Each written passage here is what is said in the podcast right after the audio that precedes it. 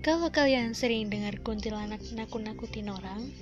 atau kuntilanak gentayangan di tengah jalan, kalian harus dengerin podcast ini karena aku bakalan bahas tentang awal mula kuntilanak cantik yang tinggal di kosku dan kehidupan dia sebelumnya.